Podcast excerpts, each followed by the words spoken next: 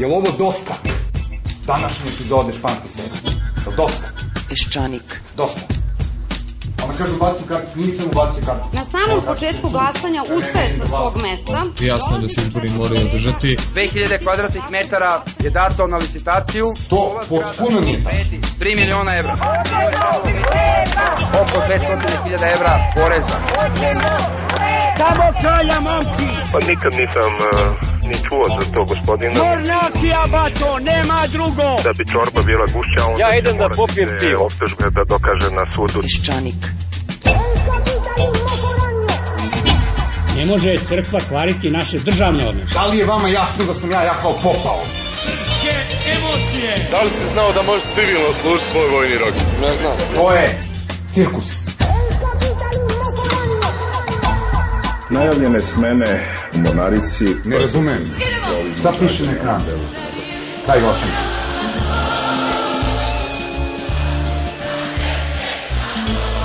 U toku istrage koja je započeta, bit će saslušanje samo koje su nam Pa ćemo videti šta je prava istina. Peščanik.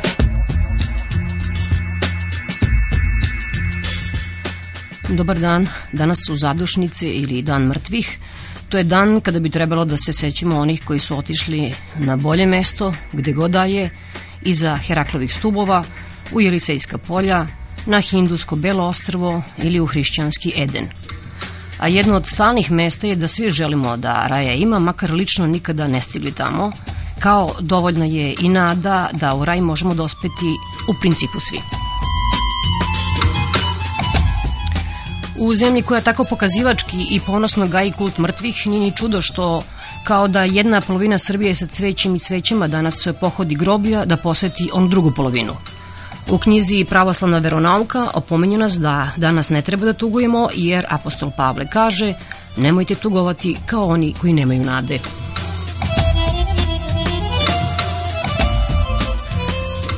Dakle, tri dana smo imali radnike pred Skupštinom, demonstrirali su pod sloganom za spas radništva.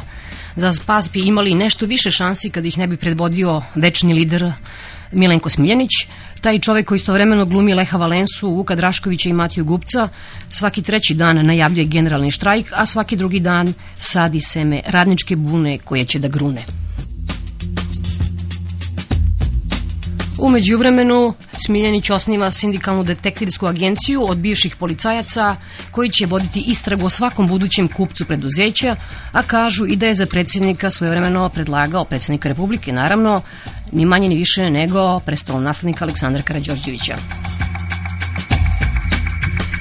A besne, izgubljene i lakoverne ljude koje je Smiljanić doveo pred Skupštinu, pesmom je dočekao ko? Dragan Maršićanin, Pevo im je, tako piše u novinama, pesmicu Pada vlada. Sa skupštinskog penđerem se osmehivao i Dejan Mihalov, Mihajlov. Poslanici Demokratske stranke Srbije i uh, ove stranke iz Jagodine, kako se zove, stranke Srpskog jedinstva, Dakle, oni su svi zajedno napustili raspravu o smeni vlade zbog toga što je policija tukla narod. Njihovo srce to nije moglo da izdrži. Poslanici iz stranke Srpskog jedinstva su dobili, što ono kaže Šešelj, nervozu srca, jer nisu mogli da gledaju kako to policajci amaterski mlate ljude, a DSS-ovci su patili iskreno, jer oni, osim preko televizije, nikada nisu uživo gledali kako policija tuče građane. 91. i 96. nisu bili prisutni a da nam budućim ministrima iz DSS-a ne bi oslabilo srce, trebalo bi malo da vežbaju. Ja se po drugi put nudim da učestvujem u vežbi, i to kao policajac. Pendrek mi ne treba, imam jako ruku, levu posebno i teško je kontrolišem. Uzgred gde nama Vojislav Koštunica, one što proročki kaže, kući će se zapaliti, onda dole malo benzina i kaže, jel vidite narode da sam bio pravo. pravu? A razveselila me je vest da su mladinci G17 Plus izveli još jednu duhovitu akciju. Podelili su gladnim sindikalcima hiljadu kifli iz pekare kod Baba Živke. Koliki je tome naučio, verovatno, duhoviti Dinkić, koji je duhovit koji sam buldožer. A uzgred gde je i Labus, da li mirno živi u harmoniji sa samim sobom ili nervozno čeka da njegov buldožer raskrči teren pa da nastupi kao preduzimač i graditelj. Stvar se može gledati i ovako. G17 Plus plus Dinkić radi koristan posao raskrinkavanja vladinih službenika, ministarki i ministara koji su zlopotrebili, onako primitivno, vlast koju trenutno imaju. Neka se spremi, neka se spremi Mihajlović. Premijer Živković za sada ne da nikoga. Stalno priča da ako se dokaže da je neki ministar nešto nebaljalo radio, da će snositi odgovornost, ali eto, njega, premijera, nije lako ubediti. Moramo još da se trudimo, tvrdi on orah i ne voli, nikako ne voli da ga pritiskaju. Ovo je Srbija brale, nije tamo neka Portugalija gde su ministri spolnih poslova i prosvete podneli ostavke jer je čerka jednog od njih na nepropisan način upisana u medicinsku školu. Ovo je bre Srbija, a ne Rumunija, gde su pre neki dan tri ministra podnela ostavke jer su umešani u razne korupcionaške zavrzlame. Najzad, Nije Živković glupi Buš koji je morao da odustane od svog kandidata za mesto ministra za rad samo zato što je nesuđena ministarka pre 20 godina zaposlila kao kućnu pomoćnicu jednu Gvatemalku koja nije imala radnu dozvolu. Opkoljeni smo sa svih strana, s polja napadaju Osmiljanići, Živkovići i Kolesari, a iznutra nas jede sećanje, samosažaljenje, osjećaj neisplativosti i uzaludnosti. E, dok tako kukamo što nismo bolje prošli u životu, promiču nam ovi lepi dani. Toplo je, međutim kad e, pogledaš bolje zašto je kog djevala sad toplo, dođe ti da se smrzneš. Ove lepe dane, ovih koliko beše 17-18 stepeni, dugujemo zastrašujućim erupcijama koje se odigravaju na suncu. 28. oktobra izmerena je treća po snazi ikada zabelažena eksplozija na zvezdi koje nam život daje. To skoro ni jedne novine nisu prenele, to je dosadno, to je daleko, a i ne može da se ruši vladu. Važno je da se nacionalno vraća kući. Da li ste videli taj billboard? Nemački filozof Hans Magnus Enzensberger o novinama Bild Zeitung. Taj list je činjenica sa kojom Nemačka mora da živi. Nema glasa koji jasnije izražava beslovesnost nemačkog društva. Bild Zeitung možete sresti svuda, u prvoj klasi Lufthansinih letova, radničkim birtijama, hotelskim holovima.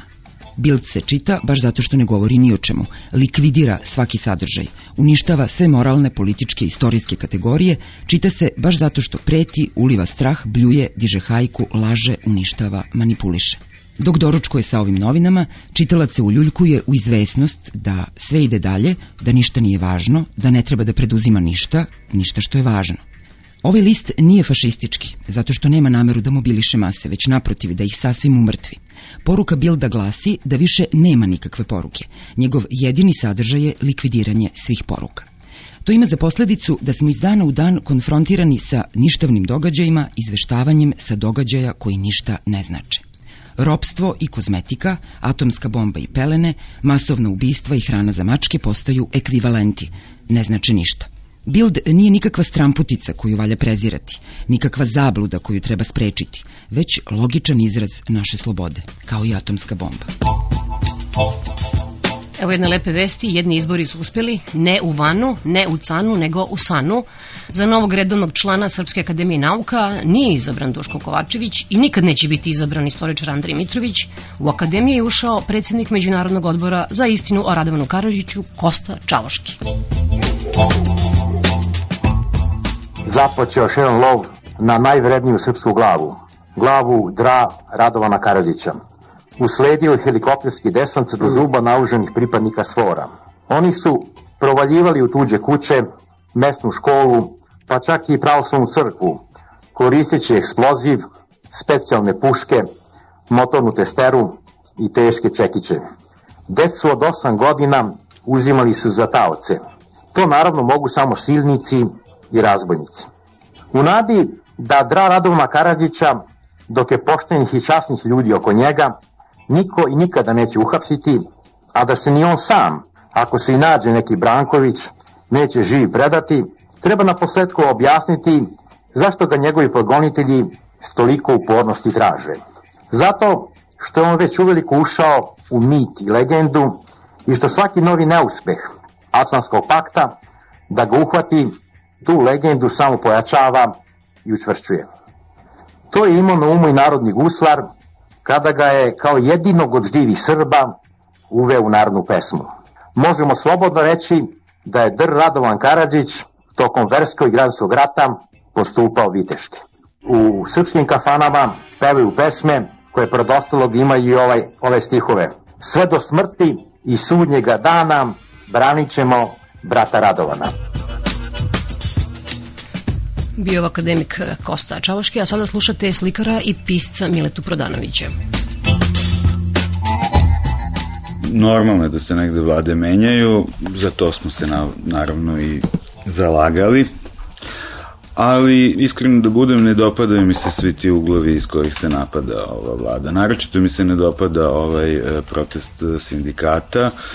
Vidio sam da su sindikalci koje predvodi čovek koga sam viđao u prethodnoj deceniji u mnogim kontekstima koji mi nikako nisu bili bliski i sad ne znam otkud sad odjednom e, i dalje sve to i otkud te ovacije SPS-ovcima i radikalima ispred parlamenta, ali mene u celoj toj stvari najviše pogađa ko će platiti štetu učinjenu travnjaku na kojem su razapeta ta tri šatora. Da li će gradsko zelenilo ispostaviti račun tom gospodinu Smiljaniću ili nekim drugima? Da ja razumem vrlo težak položaj ljudi koji e, imaju mala primanja, ali ne mislim da sindikat treba da se na bilo koji način bavi visokom politikom. E, ali čini mi se da i ta vladina strana dužna nekoliko odgovora. Recimo zašto čuveni Janušević i Kolesar zbog kojih sam ponovo pročitao Stradiju Radoja Domanovića, zašto oni nisu na neki vidljivi način izvedeni na čistac. S druge strane, moje stare zamerke idu na račun onih koji sad tvrde da su opozicija, 5. oktobra su bili vlast, 6. oktobra, pre svega mislim na krug e, oko Maršićanina, Koštunice, tih ljudi koji ovako vrlo fino govore, ali mi se kosa diže na glavi kad pomislim da bi oni mogli dobiti 100 grama vlasti, jer prosto mislim da ne, ne bi znali šta s njom da urade. Ja mislim da će izbora biti svakako pala vlada sada ili ne. Tako ne isključujem negde u intuiciji neku mogućnost da vlada sada opstane, odnosno dobije poverenje, pa da odmah posle toga raspiše izbore. Thank dosta radim i nekako su mi se izmenili privatni parametri u životu i zaista više uživam u onome što radim i manje stižem da pratim sve. Moj jedini kontakt sa jedini kontinuirani kontakt i slušanje ovog radija sa kojeg se sada čuje moj glas ali na vestima televizijskim 92-ke bila izjava ovog da kažemo, kompanjona, poslovnog kompanjona našeg ministra policije i u njoj mi se jedna rečenica toliko dopala da sam je zapamtio, mada je nisam zapisao, ali možda ću ih zapisati. On je rekao, eto, oni su jel, prijatelji dugo, obojica su iz Valjeva i obojica su imali brkove, ali ovaj obrijao brkove onog trenutka kad se naša zemlja okrenula ka Evropi. Mislim da je to prosto fenomenalno, dirljiva rečenica koju, eto, treba da imaju u vidu svi ljudi koji nose brkove. Jesi video Šešelja što izgubio 18 kila? Utanjio nam Šešelj. Da. Pa ja moram da kažem da on deluje manje groteskno nego ranije, a nekako više tužno sada. Dopalo mi se isto to deo njegove izjave koji citiram da uh, je strašno što Evropska zajednica ne da vizu jednom od najvećih duhovnika srpskog naroda i onda je pomenuo njegovo ime. Ako je to zaista jedan od najvećih duhovnika našeg naroda, onda, je, onda mi dosta loše stojimo sa tim stvarima, čini mi se.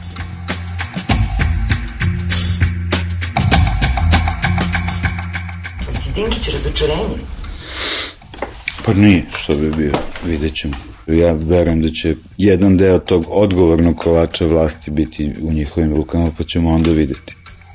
Možda čovjek metodološki ne može da se složi sa tim takvim napadima i tom jednom, ipak sada se može reći hajkom sa više strana, ali u načelu svi ti problemi koje oni otvaraju moraju dobiti svoj odgovor ovakav ili onakav pa sad možda bi bolje bilo da je to malo staloženije urađeno ali bože moj svi su u ovom trenutku, nažalost, u predizbornoj kampanji. Neko se u tu predizbornu kampanju uključio sad, Vojislav Koštunica sa svojom demokratskom strankom Srbije se uključio u predizbornu kampanju još 6. oktobra, koliko se sećam, jel? Da li je to pametno ili nije, ne znam, ali opet svako od njih e, kroji sebi neku budućnost, tako da se nadam da to neće biti generalno preko naših leđa. Jer e, takav nastup može nekoga privući, ali može isto tako nekoga i odbiti. Jer se bojim da kod nas pažnja medijska i svaka druga traje tri dana. I mnogo toga što je rečeno što bi moglo ozbiljnije i temeljitije da se razradi, prosto odlazi u vetar. Što mislim da opet ide na ruku ljudima koji su sada na vlasti. Ja isto priželjkujem izbore zato što mislim da su u stvari male stranke jedan veliki balast i zaista bih volao da svako izađe sam na tu scenu pa da se mi onda opredeljujemo, jel? Recimo konkretno iz te socijaldemokratije, ja ne znam na koje biračko telo oni mogu računati. Osim ako to nisu ovi koji su sada došli i razapeli šatore na travnjaku gradskog zelenila. Mileta Prodanović je napisao novu knjigu Eliša u zemlji svetih šarana, ali pre nego što nam kaže nešto o toj knjizi, zamolila sam ga da mi ponovo ispriča priču o tome kako je Miloska Venera izgubila ruke. Što se tiče Miloske Venere i u trenutku kada je ona otkrivena, jel, to ostrovo je bilo u sastavu Turske imperije. Uh, i tamo je prosto svako kopao što je hteo i nosio u svoje kolonijalne centre u svoje Parize, Londone i Berline šta je hteo i kako je hteo. Neko je skrenuo pažnju turskim vlastima da se mora stati na put tome i doneti jedan zakon po kojem nijedna cela skulptura ne, bi, ne sme da se iznese iz Turske, znači mora da ostane u muzeju tamo pretpostavlja se da je u trenutku kada je nađena Afrodita sa Milosa imala ruke, ali ona je to, kažu, naknadno oblikovana u tim, da kažem, ipak švercerskim zahvatima. Tako da se oko toga naknadno stvorio jedan mit i meni je možda jedna od najlepših kasnijih reminiscencija na to iz e, jedne grupe sa kraja 70-ih koju sam ja mnogo volao, koja se zvala Television, New njujorkska grupa i sa njihovog prvog albuma Marky Moon, jedna pesma gde, koja kaže da je taj lirski subjekt koji pjeva tu pjesmu, on je tako u jednoj dešperaciji pao u naručje Milanske Venere. To mi je ostalo kao jedna dobra slika.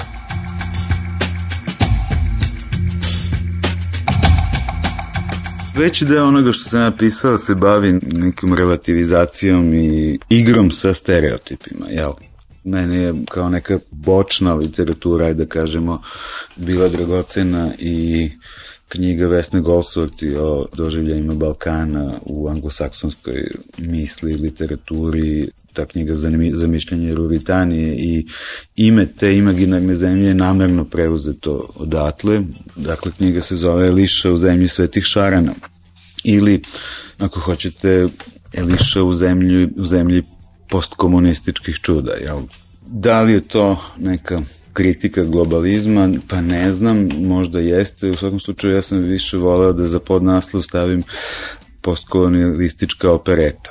Lepo je što se danas računa na to i takozvani politički korektan govor, ali danas je moguće ubiti crnog čoveka, ali mu se ne sme reći da je crnac zato što je to afroamerikanac. Znači, ta neka potreba korektnosti u imenovanju koja uopšte ne obavezuje na korektno ponašanje u drugim domenima koji su vrlo često značajnije. Tako da fokus u moje knjige je avantura jedne plesne skupine i koja iz Amerike odlazi u imaginarnu postsocijalističku zemlju.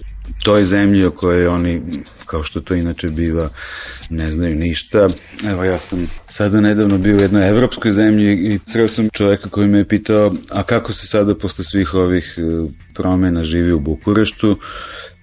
Ja sam rekao u Beogradu to je ono što se na zapadnoj varijanti nekada zajedničkog jezika ovih prostora govorilo, e, to je jedna hinjena komunikacija ne znam, postoji tu mnogo tragičnih nesporazuma, recimo, ja sam isekao iz novina onu vestu kojem je neposredno posle dolaska mirovnih snaga na Kosovo jedan bugarin ubijen zato što se nekome što je prolazio učinila da je taj jezik koji on govori eh, u stvari srpski. Svet je pun takvih odluka i mislim da postoji dosta razloga za neku strepnju na, na globalnom nivou, baš zato što neko možda neće moći da razlikuje Bin Ladena i jednog eh, naivnog vernakularnog čoveka koji prosto možda liči fizički na, na tom. Znaš ti ono, kako kaže Bosanac, pa kaže, gdje će oni, kaže, uvatiti osam Bin Ladena kad jednog Karadžića ne mogu.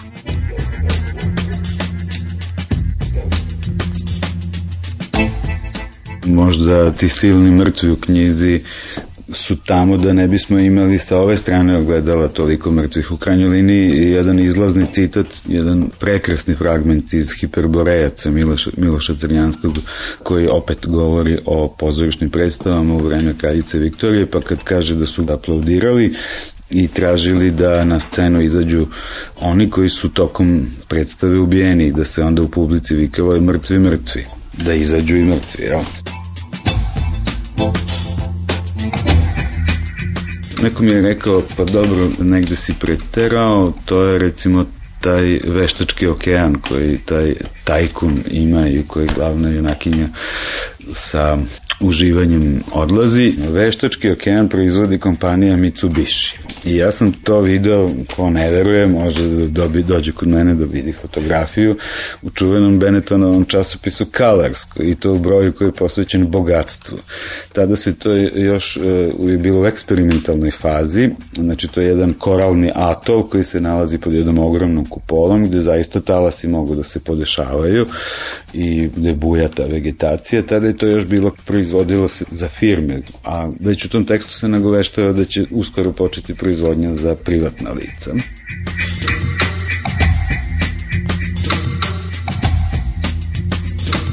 Veliki epifanijar ju je čvrsto stegao za podlakticu i tiho rekao Nestanite i skradite se odmah, ovde nikoga neće poštedeti. U trećoj ćeliji iza vaše je prolaz u steni. Otvorite drveni orman, isti onakav kakav je u vašoj odaji. Kada izbijete na čistinu, idite samo na zapad, prvo do šume, pa kroz šumu, ne skrećite, sve drugo je minirano, do reke, a dalje ćete se snaći. Požurite prvo u baziliku, tamo još nisu ušli, pa kroz oltar postoje mala vrata. Stigao je još da sa sebe skine veliki ukrašeni krst i pružio ga. Neka vas čuva ovo znamenje, budite mudri i pažljivi. Začuo se glasan žamor.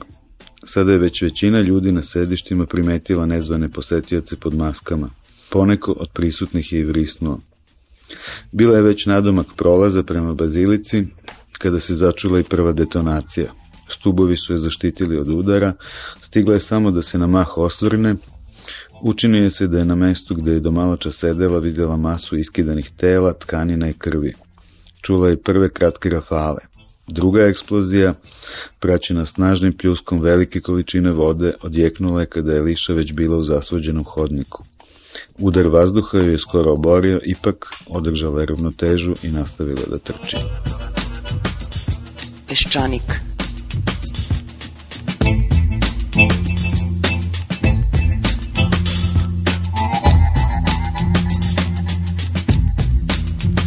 Bio je Mileto Prodanović, a sada slušate novinara Velimira Ćurguza Kazimira. Očigledno da mora da se ide na izbore. Mediji su se veoma uključili u kampanju da su nam neophodni izbori, da će to rešiti sve probleme. Racionalno i praktično gledano, ja ne verujem da ćemo mi i uz pomoć izbora relativno brzo izaći na neki normalan i dobar put mi ćemo se zaglibiti u jedno beskrajno blato natezanja i tu o nekim principima neće biti govora, ni sa jedne strane. Znači, posmatram tu scenu onako dosta, dosta blatnja. To što se sad u tu igru uključuje i sindikat svojim zahtevima za padom vlade i raspisivanje izbora je onako dosta tužnjikavo. Daleko je to od 50.000 ljudi a da ne govorimo o celoj Srbiji koja se digla protiv vladavina DOS-a. Meni je potpuno jasno da neko ko je u užasnoj situaciji, koji prima platu ili ne prima 4-5 hiljada, 7 hiljada dinara, ima, da kažem, ljudsko pravo da vrišti do neba. Ti ljudi koji s pravom traže da život im postane normalan i da ne gladuju, kako bi oni uspeli da organizuju u svojoj firmi efikasno proizvodnju kada bi sutra bili suočeni da oni sami treba da otpuste hiljadu svojih kolega. Ja nisam, kao što se hvali Duško Mihajlović, nikakav propovednik i zagovernik kapitalizma, pogotovo ne divlje kapitalizma, ali samo privatnik očigledno može da otpusti ljude. Meni je takođe neverovatno s kojom lakoćom tom jednom populističkom stilu nastupaju Kritičari vlade, DSS, SSJ, radikali, socijalisti koji su se sad odjednom probudili u kritici privatizacije i tog velikog kapitala i takozvane tajkunizacije Srbije. Ali ja samo hoću od njih jednom da čujem i onda ću drugčije da razmišljam o svemu tome. Parolu oduzmite im sve. To još nisam čuo. Ja bih voleo da i legalisti i DSS kažu oduzmite im sve. Mi ćemo oduzeti sve. Miškoviću, Kariću, Drakuliću i šta ja znam. Kogod je ovde napravio posao. Recite definitivno, mi hoćemo sve da uzmemo. Kad kažem sve, to je opet ono i onaj problem koji imamo stalno i oko Haga i oko sve, a to je taj zero point. Ajde da vidimo nultu tačku.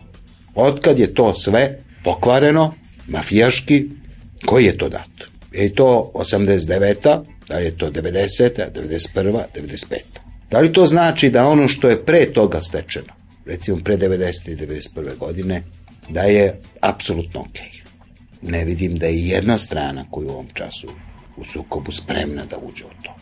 Pa ni takozvane pobunjene male stranke koje imaju višak pravedničkog gneva, jer i mnogi od tih predstavnika tih stranka i tekako imaju sjajne poslovne pozicije, veze i sve ostalo. Očigledno za godinu, dve dana ko se osigurao, osigurao se. Za sebe i za svoje potomstvo. Posle toga dolazi nešto što bi trebalo da bude jedan normalan, težak, iscrpljujući, dosadan život kao u svakoj kapitalističkoj zemlji, a to znači da ne možeš računati godišnje na veći profit od 10-12%. Sve ostalo je ili čudo ili lopovluk.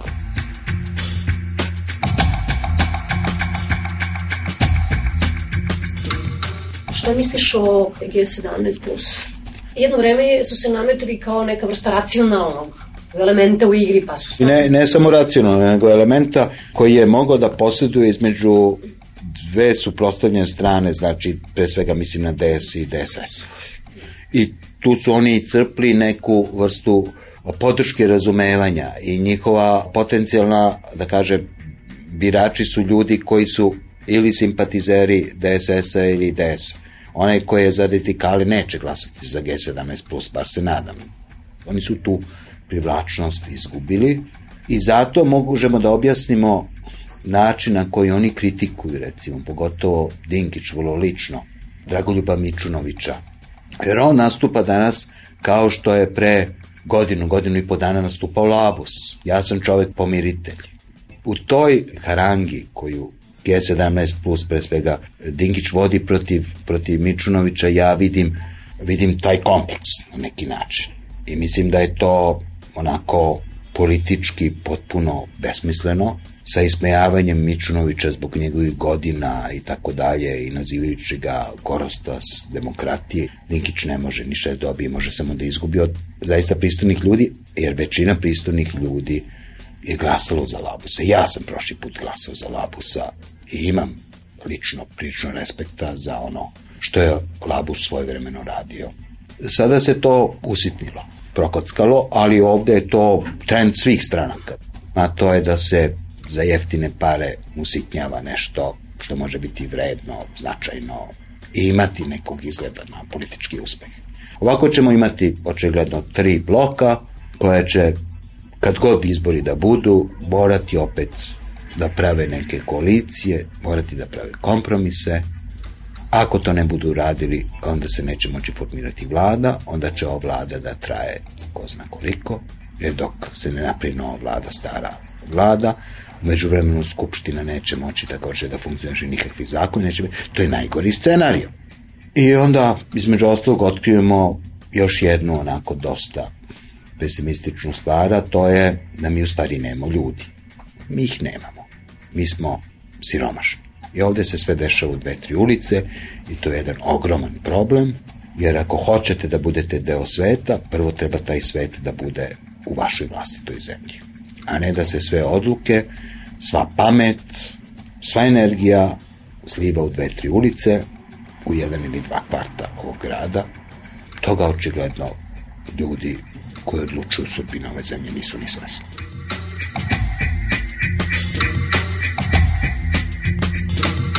Redovno čitam dok mi Telekom nije isekao popričnu liniju sajt 92-ke eh, i te komentare i to je, to je potpuno ludilo jer tu imate tu neverovatnu kombinaciju monarhista, demokrata, desničara, komunista, anarhista, sindikalista u jednom ključu koji koji ne da nije moderan, nego je, mislim, potpuno jedno ludilo.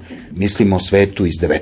veka. Uz jedno strašno opšte raspoloženje o zaveri protiv Srbije, uz jedno neprijateljstvo prema spolnom svetu, sad sam se setio komentara povodom izjave nekoga iz MIPA posle posete u Španiji da će Španija podržati izlazak Srbije i Crne Gore na takozvanu belu listu, što zna šengensku, što znači da neće trebati vize.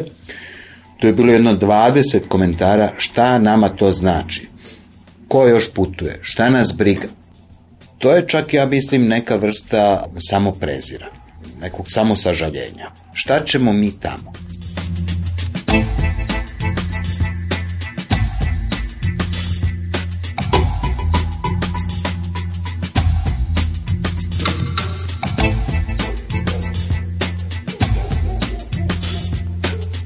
Video sam danas opet u glasu veliki naslov da su ubili neku babu.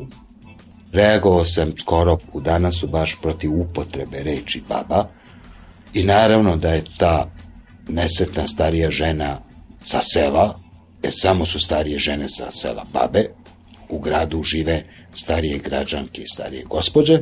To je jedna vrsta gluposti i stereotipa koje je postao neka vrsta rasizma.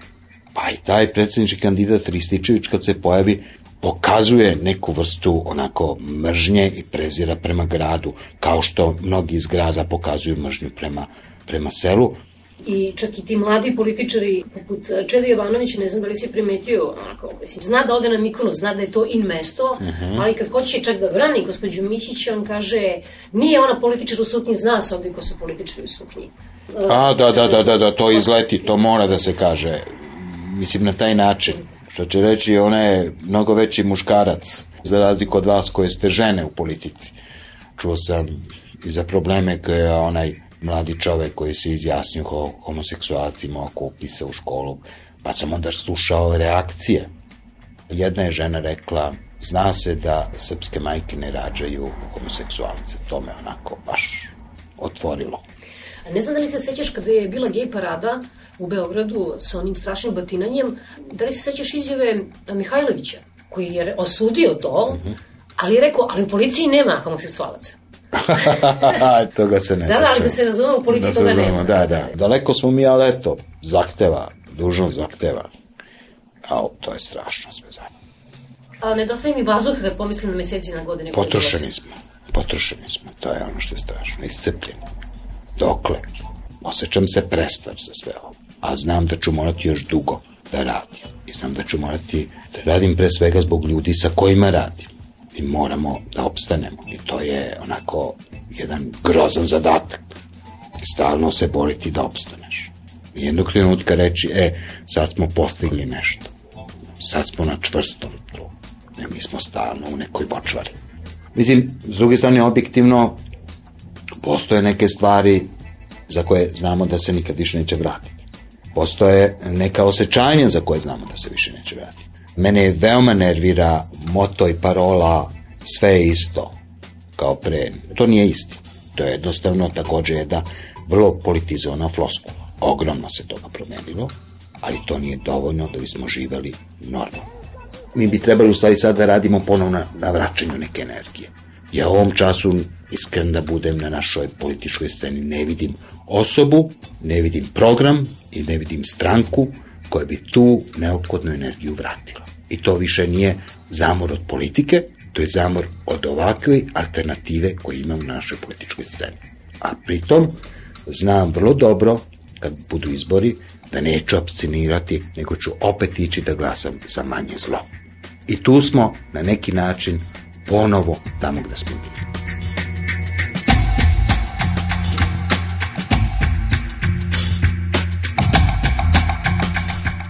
Slovenci su izglasali svih milion miliona evropskih zakona, pa su od duga vremena pre nekoliko dana izglasali zakon o zaštiti slepih miševa. Tek tako da im se nađe.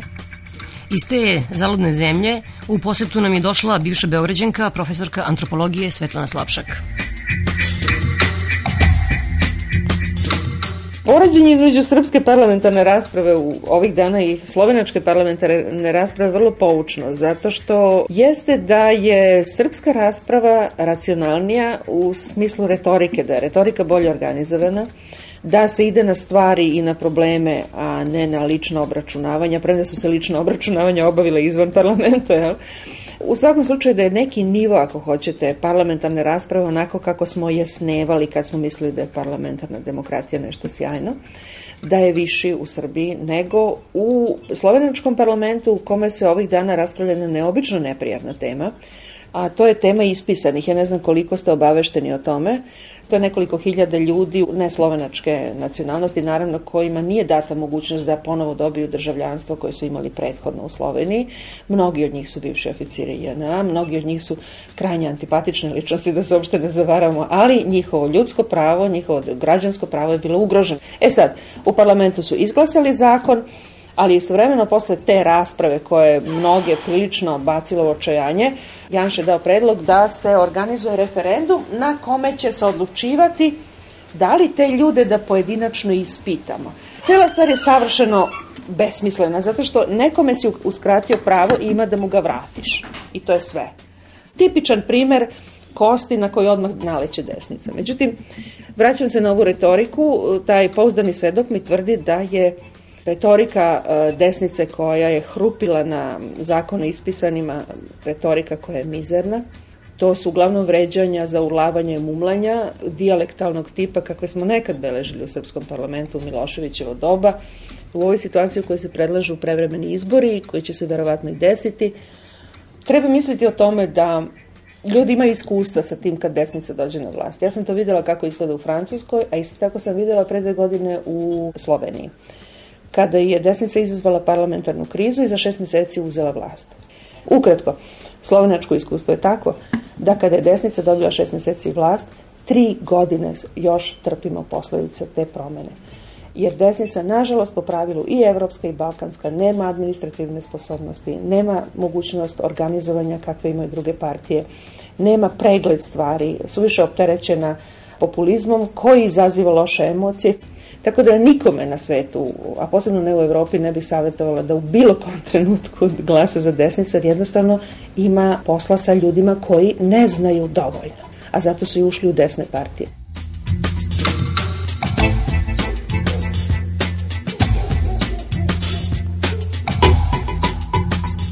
To je u osnovi svega, regulacija memorije. Ona je neophodna da bi se došlo do bilo kakvih jasnih pojmova ko je gde na mapi. Tako da, nasuprot mišljenjima da je DOS e, otprilike preživao, ja mislim da on još nije zaživeo da bi dao neku osnovnu školu pojmova, političkih pojmova na osnovu kojih se može sporazumevati. Zaista verujem da DOS-u treba omogućiti da razvije nekakvu političku školu, internu političku školu iz koje će izaći koliko toliko normalniji pojmovi, no, normalni ljudi. Kad je sad pomenut povodom ova četiri generala, jednom kao da ništa nije bilo. Pa jednom kao Pa šta, poklavna odgovornost, pa to ne mogu u obzir. Isti da, policajci yes, koji yes. je Slava Milošević je tamo. To je potpuno ista pozicija koju su neki intelektualci pre godinu i dve prodavali u takozvanim nezavisnim medijima. Kada su rekli, pa dosta patnje, sad jedan put da se kaže da više nismo krivi, da konačno počnemo normalno da živimo i dosta više te odgovornosti i dosta tih zloćudnih ptica, tih zlih baba koje nas stalno opominju, ne dosta više, hoćemo da zaboravimo, da živimo normalno i tako dalje. To su ti ljudi proizveli. U nekom smislu cela ta rasprava generalima i cela rasprava odgovornosti zapravo nam daje argumente da se vodi novi rat u kojem će se dokazati da je Srbija nije bila kriva u prvom. No? Argumenti policajaca nikad nisu originalni. Oni se uvek služe onim što je na raspolaganju. Oni upotrebljavaju ono što je na tezgi, a na tezgi je to, žao mi je. Slušao sam Čovića i pošto on sebe smatra zaštitnikom preostalih Srba na Kosovu, mhm. uh -huh. kada on kaže, pa, a bukvalno, pa dokle, zar sto godine da plaćamo to? Intelektualni ugled je neopisivo važan zato što se još uvek provlači 19. vekovna schema u kojoj su intelektualci bili učitelji političara, odnosno davali im materijal na osnovu kojeg su oni lepili i sklapali državu. Kada jedan glas kaže nešto u medijima što može da se upotrebi na ovaj način, onda se ne treba iznenađivati što će na kraju svi unisono u horu reći to isto. Zato što je to zahtev kolektiva. Budi sa narodom. Ja? Inače si izrod i tako dalje. I, nažalost, nijedna od kultura koje su se stvorile na ovom tlu posle pada socijalizma nije promovisala kritiku kao osnovni element i kritičko mišljenje. I to mora da se negde plati. Sa druge strane, znate, svo to jaukanje o srpskim stradanjima i plaćanjima preko mere je naravno čista fikcija, jer e, ljudi koji odlaze u Hag, zločinci koji dobiju presudu, dobijaju zapravo neobično male kazne. Zašto se uzbuđujemo? Neko ko je pouzdano ubio recimo 30 ljudi, taj recimo dobije 8 godina provešće tih 8 godina u savršenom komforu i mogućnosti da neguje svoje zdravlje, da misli o sebi, da čita, da se uobličava, lepoglava.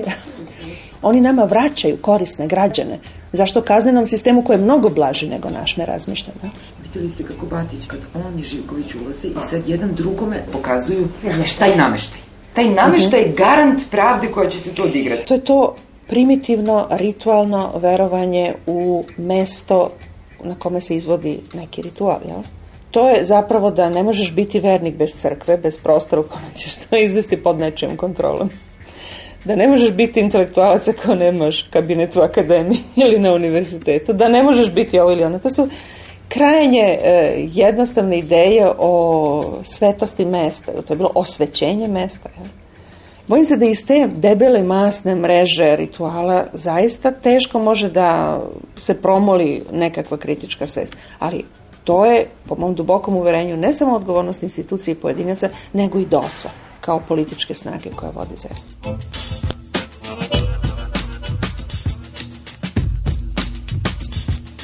Jeste videli ovog sudio, sudiju što radi Šešlju, kaže gospodine Šešlju, čovjek vaše inteligencije bi mora da shvati prednost kompjutera. Da, da, da. da. Ovaj, oslabio 18 kg, ja nemam hrišćanskog duha uopšte i meni je da. milo civilio dan. Jeste ga videli?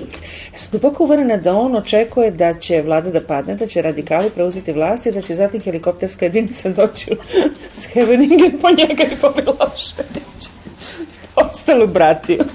I onda će on se naravno vratiti i priznati kako organizuje ubistvo Đinđića i sve ostalo. Taj jeftini scenarij mi se vrti u glavi. Razmišljam o tom. Primetbe, dakle, Ka, s jedne strane, gospođe Del Ponte ovaj, i, i način na koji baš i briga što se dešava ovde, pa da, donosi da, da, da. papire. Da, A druge da. strane da uh, e, Hag od samog početka nije uradio jednu stvar koja je bila jedna od prioriteta, to je da demonstrira pravdu ljudi koji su kao imali argumente za da i gube nekako kad vidiš šta se tamo dešava, mislim, ono, po, po Haškoj sudnici, a uh -huh. i mhm. činjenici da baš nikako nijedan albanac ne ide. Uh -huh, uh -huh, uh -huh. Problem je što je koncept pravde u društvu koje nema građansku tradiciju krajnje eh, nejasan. Eh, Jedna je pravda, druga je ekvidistantnost, jel? Ja? Ekvidistantnost smo prvi put sreli za vreme rata sa Hrvatskom u prvoj fazi rata, jel? kada se smatralo da svi podjednako treba nešto da dele krivicu, To dosta dobro znamo, to da se pravda izjednačuje sa ekvidistantnošću, odnosno da postoji nekakva razmera u plaćanju i kažnjavanju. Ja? To je pijačni termin, da se ne zavaravamo, taj folklor dolazi sa pijace. A sa druge strane imate ovo što kažete da ovaj, Hag do sada nije ulovio dovoljno Albanaca da bi zadovoljio Srbe. Nikada ih ne bi ulovio dovoljno. Ajde da prestanemo da se lažemo. Kada bi Hag doveo 400 Albanaca, još uvijek bi se zajaukalo za onim jednim Srbinom koji tamo sedi i odgovara. Sa te strane, ja mislim da je razgovor savršeno neozbiljan. Pravda nikad nema te vrste razmera, niti dimenzija koje se upoređuju. Nema upoređivanja. To je kao ono upoređivanje, svi su krali, zašto ste samo mene uhvatili. Ja? To je otprilike na tom nivou. Ja? Treba pre svega shvatiti da kazna nije samo skinut ti glavu, ubiti čoveka. Prvo to, jel? drugo, da kažnjavanje nije mučenje nekoga ja mislim da bi kazna morala istovremeno sadržavati reedukaciju u smislu čitanja istorijskih tekstova, suočavanja sa dokumentarnim materijalom, sistematsko suočavanje. Ili drugim rečima, ako hoćete, vaspitanje za mir i e, negovanje sećanja, odnosno strukturisanje sećanja bi bilo zapravo potpuno isto za slobodne jedinke građane u školama i za one koji sede u zatvoru. Nema nikakve bitne razlike. Svi se moraju suočiti sa istim stvarima. Samo neki se moraju suočiti s tim da ne mogu ići u bioskop kad im padne na ili u kafanu. To je sve.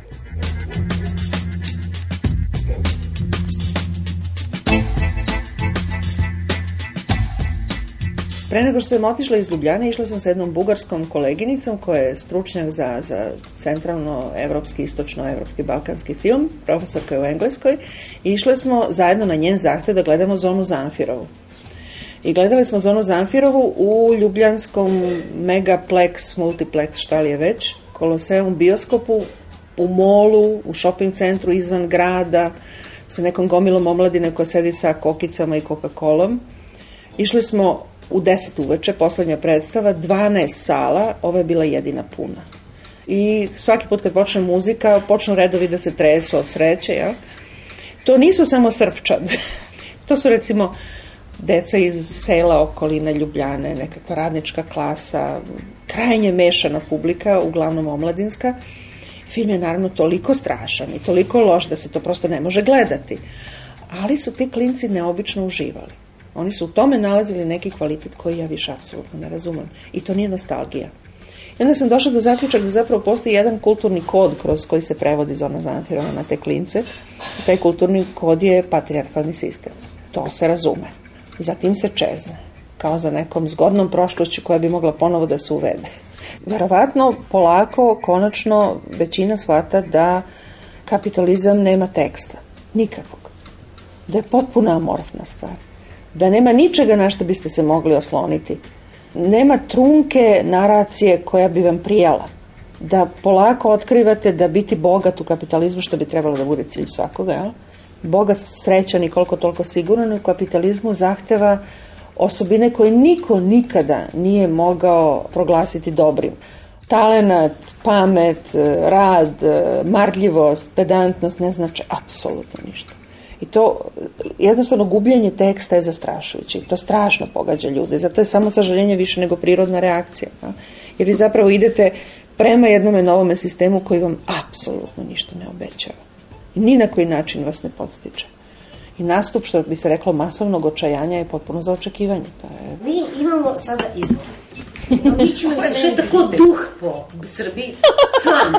Da, već izgleda da će imati skoro državu koji će šef biti Vojislav Koštunica, Dinkić, ministar financije, Labus premijer i već ko zna ko, samo se vraćam to kad ste rekli da, da nam parlament ne izgleda tako loše. Na izgled. da.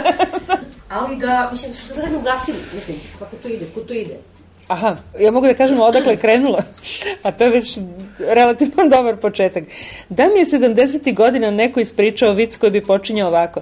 Zamisli, probudiš se, a na prozoru, kroz prozor vidiš veliki izborni plakat i na njemu Mićuna. Ja bih rekao, ma da, jako dobar vic, dobro počinje, kao na kardelju, zabili su mu nožu leća i šta sad, pa do, početak je dobar kada smo tada razmišljali o mogućnostima izbora, slobodnih izbora i mogućnostima da Mićun, jel, heroj filozofskog fakulteta, odnosno njegovog dvorišta, u roza košulji postane na, naš kandidat, to je stvarno bilo potpuno u domenu utopije. Ja? I kada se to realizuje, ja se zaista u Beogradu probudim i kroz prozor vidim billboard sa velikim likom ostareloga Mićuna, onda ja shvatim da se utopija realizovala nasuprot mojim željama sa realizovanim utopijama je problem veoma ozbiljan. Mi smo tada mislili, i ja sam duboko verovala, da su slobodni izbori najveći, najviši izraz demokratije. Kada sam se poučila u tome, gledajući šta se dešava u Evropi i u svetu, došla sam do zaključa da to naravno nije slučaj i da su izbori za parlament eh, mehanička stvar koja zapravo samo omogućava da se tehnički, tehnološki vlast izvodi onako kako treba da se izvodi i da je većina zapravo samo instrument pomoću kojeg se organizuje administracija, birokratija, aparat državni i sve ostalo. Ništa drugo. I da taj, kada se jedan put ustanovi taj aparat na osnovu većine koja nije pravična nego je nužna, kao uslov delovanja, onda se demokratija kao sistem posvećuje negovanju pojedinca i manjine. E, taj drugi deo utopije još nismo doživjeli. Prvi smo doživjeli, znamo da nije dovoljan, e sad treba ostvariti onaj drugi. U tome smislu Mičun koji ozbiljno gleda sa, sa billboarda je za nekoga koga zna, ko je stariji od 30 godina, mora da znači pre svega opomenu. I to opomenu u tome smislu da su izbori i položaj predsednika i biranje predsednika nešto što treba obaviti što pre i što funkcionalnije da bi se radili drugi poslovi.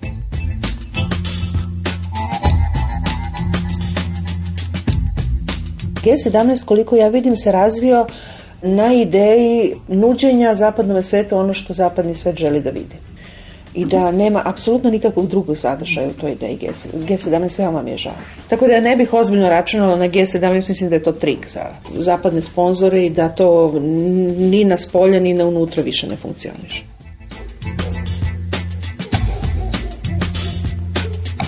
ne bih se naročito mnogo uzbuđivala oko, oko, ni oko Dinkića, ni oko Mihajlovića, jer oni su, ako hoćete, kada ih učitamo u srpsku političku istoriju, oni su tipični likovi i Batić isto tako. To su zaista folklorni likovi iz e, istorije srpske politike. Iz tog područja oni dolaze. Tako da evropskog političara, nažalost, e, ovaj prostor još nije iznedrio. Ja? I u tom smislu, naravno, strašno je to što se desilo sa Đinđićem, jer je Đinđić mogao biti kapacitet evropskog političara koji je, jeste vodio dijalog sa Švederom umeo da razgovara sa Šrederom, ne samo zato što je govorio jezik, nego i zato što je umeo da razume šta Šreder govori. Koštunica zapravo u toj nesrećnoj, stvarno e, jako provincijalizovanoj atmosferi uopšte ne deluje kao predsjednički kandidat. On zapravo nastupa kao slika kralja.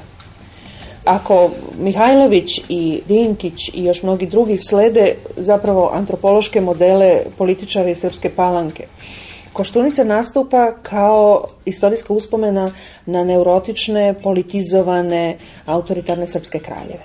To je njegova istorijska pozadina.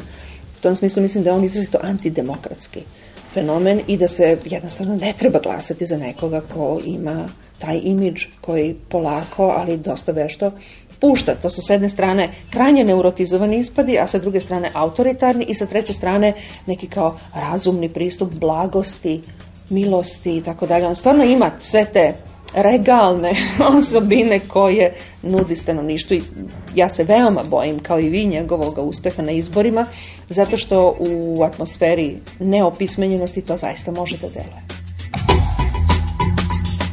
Kad smo kod kralja, čućete samo delić razgovora sa istoričarom Milanom Ristovićem, koji ćemo emitovati u sledećem pešeniku. U svojoj poslednjoj knjizi Milan Ristović se bavio stereotipima o Srbima u nemačkim humorističkim časopisima s početka 20. veka. Evo kako su Nemci doživjeli krunisanje kralja Petra Karađorđevića neposredno posle krvavog ubistva Aleksandra i Dragi 903.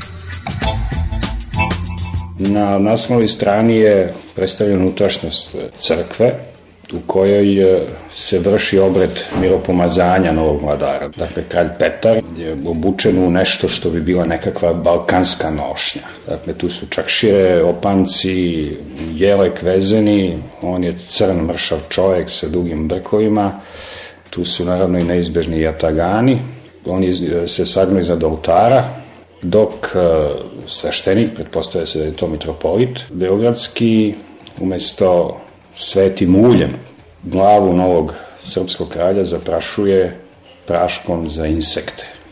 Jednu ogromnu bocu tada veoma poznatog nemačkog praška za ubijanje gamadi drži jedan dečak đakon na torbici koju takođe u pojasu nosi novi srpski vladar, izvezene su velike vaši, a one se nalaze takođe još na nekoliko mesta na podu ispod nogu novog kralja i sveštenika.